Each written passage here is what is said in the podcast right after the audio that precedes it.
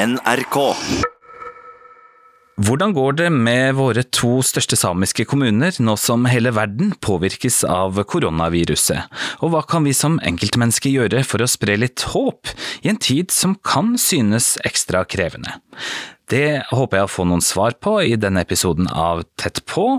Eh, så har jeg bare lyst til å legge til at vi tar opp episoden på onsdag formiddag, eh, noe som kan være greit å vite om siden verden endres så raskt som, eh, som det den gjør.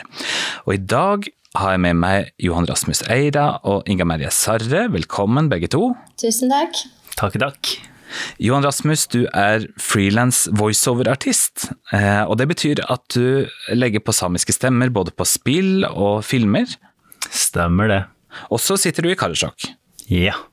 Og Inga Merre, du er skuespiller, annet kjent fra Beivers Sami Nationaltheater og fra flere filmer. Og i tillegg er du personlig trener med base i Kautokeino.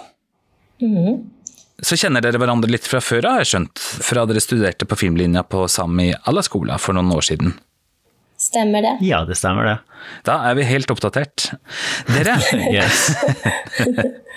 dere kulturlivet har blitt hardt ramma over hele landet, og det er vel ikke noe unntak eh, for Sápmi heller, sånn sett. Hvordan, hvordan merker dere situasjonen nå? Ja, altså nå er jeg jo permittert da fra Beivers. Så vi har, vi skulle, jeg skulle egentlig på Pippi-turné nå etter påske, men den er jo avlyst da. Så jeg tror ikke, eller jeg har i hvert fall ikke hørt noe om at den skal settes opp til høsten da isteden. Nå sitter jeg nå her med hjemmekontor og et barn på ni år som har eh, skole her. Hjemmeskole. Vi har nå holdt på med å prøve å pusle litt med lekser og sånn. Og jeg har jo prøvd å holde på med, med mine greier. Så jeg har jo begynt med sånn eh, nettrening, sånn hjemmetrening via kamera på Mac-en min. da. Jeg har faktisk begynt forrige uke med det, med taekwondo-klubben, for jeg har jo en taekwondo-klubb her som heter Sami taekwondo-klubb, hvor jeg har mange barn som er med og trener.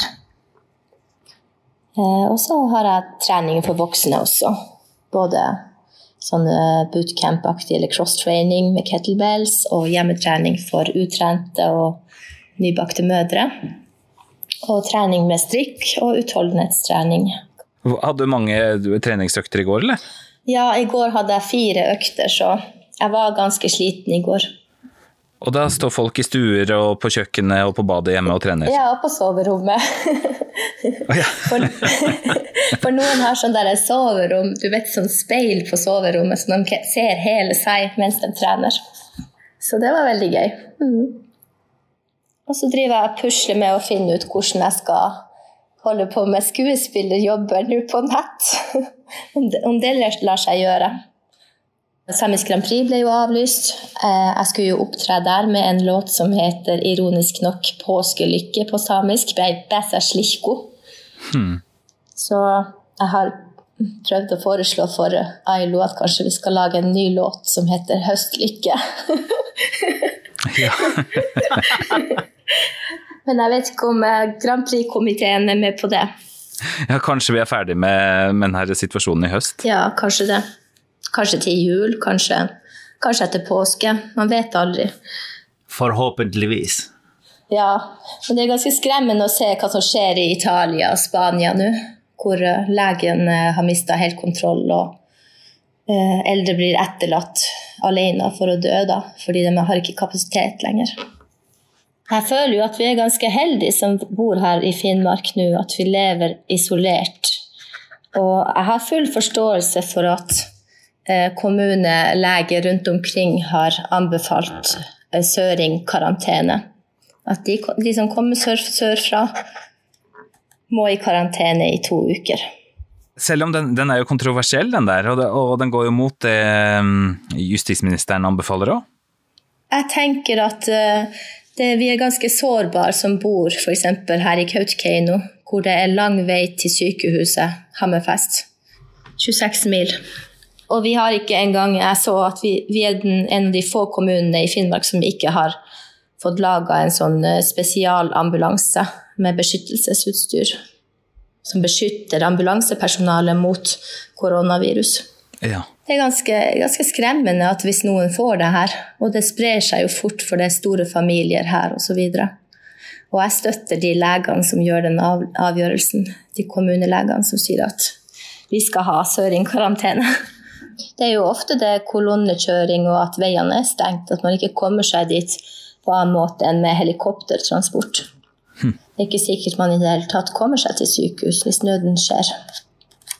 Men eh, tenk på kontrastene.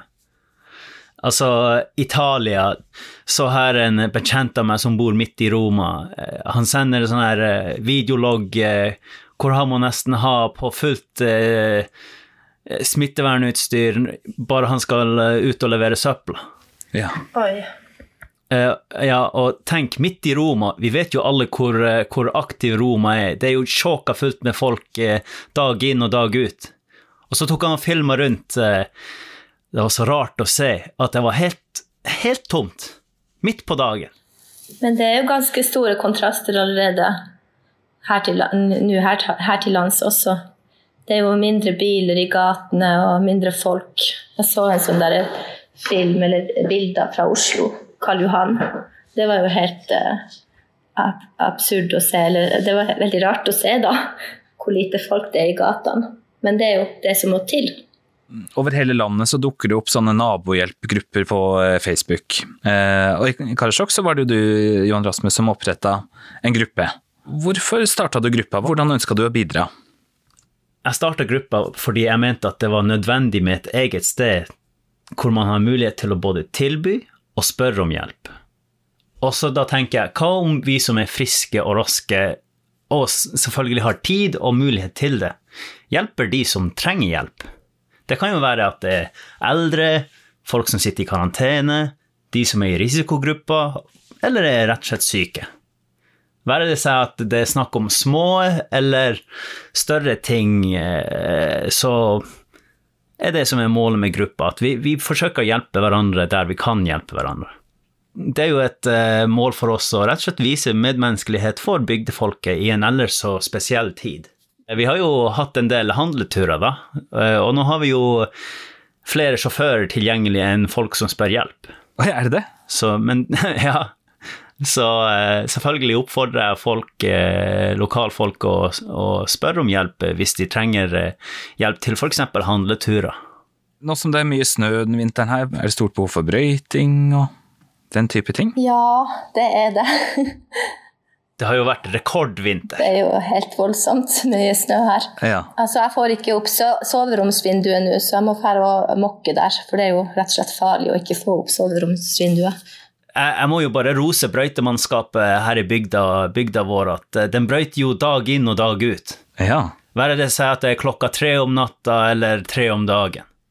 Du verden hvor effektive de er når de først eh, kommer og brøyter. Det er, det, de hefter ikke. Men jeg må jo selvfølgelig gi også massiv ros til både helsepersonell, butikkansatte, brannfolk, politi, transport og andre frivillige som trår til, som virkelig trår til i denne ytterst spesielle tida og situasjonen. Ikke bare lokalt, men også nasjonalt og internasjonalt. Og eh, all denne innsatsen de legger ned, ja, altså, det må jeg bare applaudere for, rett og slett. Men eh, de her butikkene butikkansatte, eh, de setter jo seg sjøl i, i risiko ved å ja, Bare være på jobb. ja, ikke sant? Eh, og så vet jeg jo at helsepersonell eh, jobber på spreng for å hjelpe folk der de kan hjelpe. Eh, og jeg syns, jeg syns de, de fortjener all rosen de kan få. Ja. Og det samme med de frivillige som hjelper til, være seg at det er i nabohjelpgruppene, eller og utenfor, og ellers. Men hvordan fungerer det hvis det er noen som, eh, som trenger hjelp? Hvordan foregår det fra man liksom oppdager et behov til eh, problemet forhåpentligvis er løst?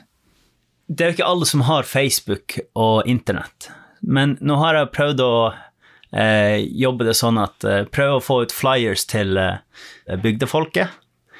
Og da kan jo de som ikke har internett eller Facebook, de har sikkert noen de kjenner som har Facebook. Og så kan de legge ut en henvendelse i nabohjelpgruppa.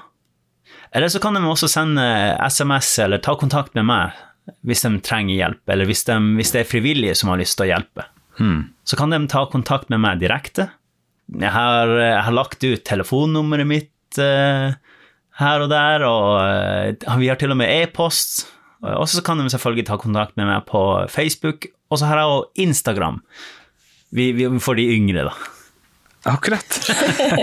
Så jeg prøver bare å få det her i gang, og så eh, ja, så satser jeg på at det kommer noen som eh, trenger hjelp, og eh, da kan jeg sette de opp med ja, eventuelle sjåfører, eller eh, hva en vedkommende måtte spørre hjelp eh, til. Hmm. Mm. Og det her gjør du gratis. Ja. Det er mange som har spurt eh, om, eh, om jeg jobber for kommunen, og det gjør jeg ikke. Så, eh, men uh... jeg tenker at det her er en veldig fin måte å vise medmenneskelighet for, eh, for bygda, bygda vår. Og en annen ting er det jo det at uh, det er veldig viktig og for de her som tilbyr hjelp, og de som spør uh, om hjelp, at de har også mulighet til å være anonym. Siden jeg er initiativtakeren i gruppa, så skal folk vite det at jeg har taushetsplikt når det gjelder henvendelser man får fra enten de som trenger hjelp eller tilbyr hjelp. Det er jo viktig å huske på at det her er frivillige som trår til.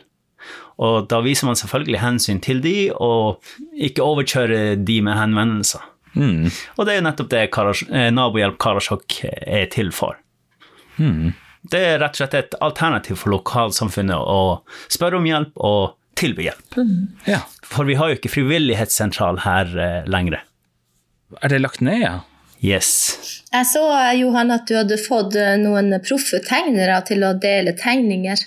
Ja, jeg vet at, jeg, at det er mange gode tegnere der ute, og da har jeg rett og slett spurt de om de har noen tegninger som de kan ta og eh, donere til, eh, til barn som sitter eh, ja, hjemme med foreldrene sine og kanskje ikke har så mye å gjøre på, får ikke vært med vennene sine. Og da er jo det å fargelegge tegninger en fin måte for de å utøve kreativiteten deres på. Og jeg har nå fått et par tegninger, men, eh, men selvfølgelig så eh, tar man gjerne imot eh, enda flere tegninger. Jeg skulle kanskje gjort det sånn at jeg la ut de, de simple tegningene først, for jeg ser at jeg har fått en del kommentarer på at eh, de, de syns at tegningene er litt for avanserte for, eh, for barn. Men jeg prøvde, jeg prøvde, å, jeg prøvde å eh, ha en, eh, hva jeg skal si, ulik nivå på de her tegningene, at det, det skulle være simpelt, og så gjerne de litt, litt avanserte for de som vil prøve ut det. Og dette er da tegninger som folk kan ta og eh, nedlaste helt gratis, og så kan de ta og printe det ut, og så kan de bli fargelagt akkurat sånn som de føler for. Og da har jeg også oppfordra sykehusene til å ta og printe det ut for, til barneavdelingene og, eh, ja, og eventuelle barnehager som fremdeles er åpne. Og de som hører på programmet her nå, som ikke nødvendigvis bor i, i Karasjok, da, kan, har de også muligheten til det, eller? Ja, fordi denne, det der innlegget jeg la ut, det, er, det har jeg lagt ut eh, ja, i de ulike Karasjok-gruppene, og så er det jo en eh, sånn nasjonal dugnadsgruppe hvor det er nesten hva, 100 000 medlemmer. Så jeg har lagt det ut der òg. Det er der jeg har fått inspirasjonen til å eh, samle tegningene. Riktig. Ja. Hva heter den gruppa der, da? Den nasjonale? Bli med på Norges største dugnad! Ta en for laget! Den har jeg også blitt med i. Eh, Mye bra inspirasjon å hente der. Og informasjon. Ja, det også. også. Og når vi snakker om informasjon, så er det en annen ting jeg har gjort eh, her i Karasjok, er at jeg har uh, samla all relevant informasjon om koronaviruset fra både lokale og nasjonale myndigheter, og så har jeg lagt eh, eh, ut informasjon i de to største gruppene vi har her i Karasjok, som da er Karasjok-tavla og oppslagstavla for Karasjok. Der står det rett og slett informasjon eh, og viktige nettsider og eh, viktige telefonnumre som folk kan eh, bruke til ulike hjelpetelefoner eh, og åpningstider og sånne ting. Mens på Facebook så har jeg det litt mer detaljert. Der har jeg til og med lista opp eh, de ulike butikkene og lokalene som har, holder dørene stengt i, i de her tidene. jeg, jeg, jeg føler det at eh, folk skal ha informasjon på plass, i alle fall. Og samtidig så kjører jeg også daglige oppdateringer med, med viktige nyheter fra både lokale og nasjonale myndigheter. Det, det, er jo en veldig spesiell situasjon, så det er fort gjort at eh, ja, man kan miste oversikt over eh, all informasjon som kommer eh, frem. Og jeg, jeg følger bare de her hva skal jeg si, de her pålitelige kildene, som da er FHI, regjeringen og sånne ting. Og kommunen, ja. selvfølgelig. Så du gjør både oppgaver som vanligvis kommunen og mediehusene og korketavlene rundt omkring på butikkene tar seg av vanligvis, du nå? Ja, jeg prøver nå i alle fall. jeg har tilbringt uh, mye mer tid på å lese nyheter nå de siste to, to ukene enn jeg har gjort til sammen på ett år. Så jeg prøver å også begrense litt av, av det å sitte for mye på Facebook og lese. Men uh, selvfølgelig, jeg prøver jo å følge med, men man får kanskje ikke med seg alt som man burde få med seg. Mm. Så man er jo veldig isolert, føler jeg, her man sitter. I hvert sitt hus. Og er ikke det rart i, altså i samfunn hvor, man så, hvor det med fysisk kontakt og denne samtalen og disse møtene, hvor det er så, hvor det er så viktig? Mm. Ja, fordi at vi som lever i bygd, bygdene rundt omkring, jeg føler, føler man at man har mer kontakt med hverandre, at man treffer hverandre mer daglig enn det man gjør kanskje hvis man bor i en storby. Fordi jeg har jo både bodd i Oslo og Trondheim og, og Verdalen og Alta og, og Kautokeino. Mm. Jeg føler at man prater mer med hverandre når man bor i en liten bygd. Fordi man ser hverandre oftere og, og er på de samme plassene og handler eller trener og osv. Så, videre. mm. så det, jeg savner jo selvfølgelig det å, å, møte folk. Men samtidig så er jeg jo med på denne nasjonale dugnaden om å møte minst mulig ja. på lengst mulig tid for å, for å på en måte bremse ned på denne smitten. Jeg glemte å si det at, uh, i stad, det her med at, uh, at butikkene har stengt dørene. Heldigvis så er det mange ut av de her butikkene, i hvert fall her lokalt, som har eh, nettløsninger på plass. Så folk kan jo fremdeles eh, handle, eh, om ikke fysisk, så kan de i hvert fall handle på nett. Så det er noen som tilbyr varene få levert på døra.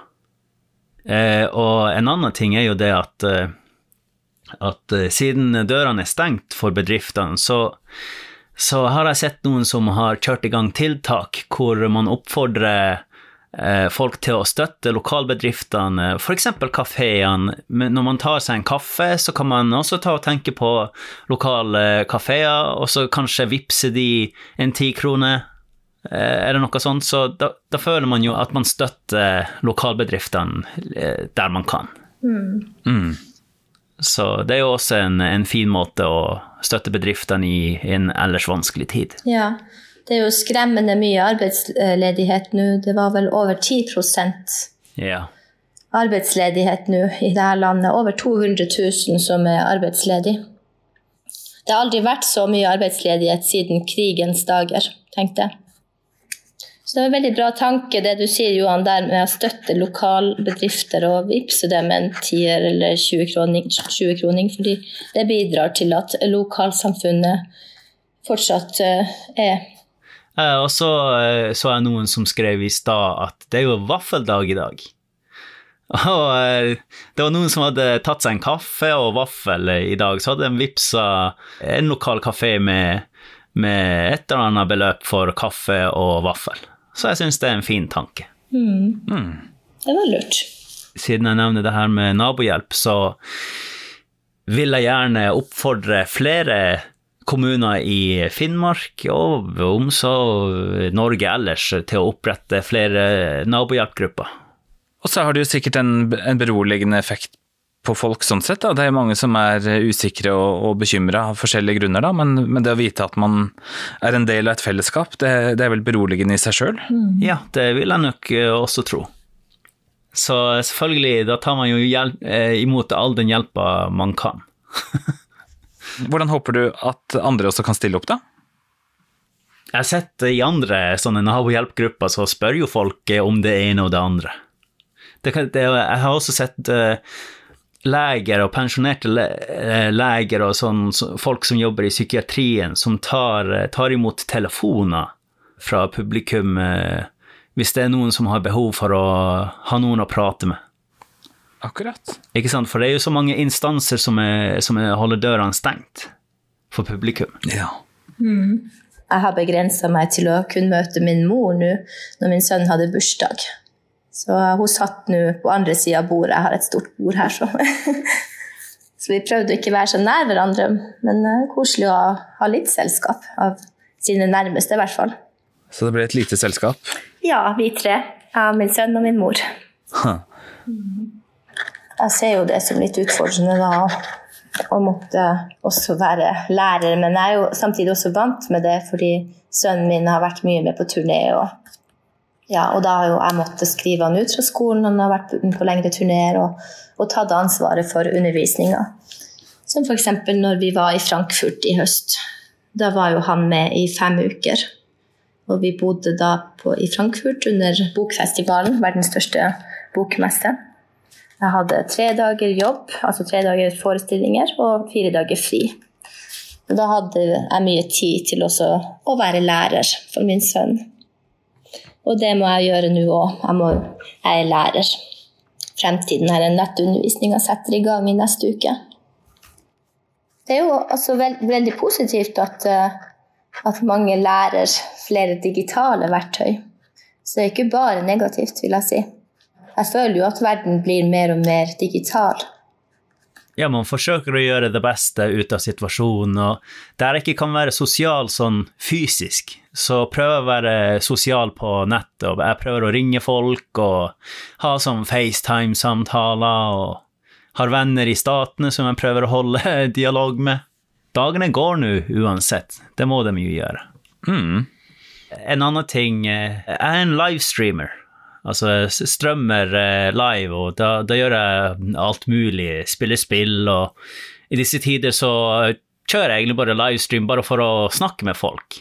Og da kan jo folk snakke til meg med det seg at det er på svensk, norsk, samisk, engelsk.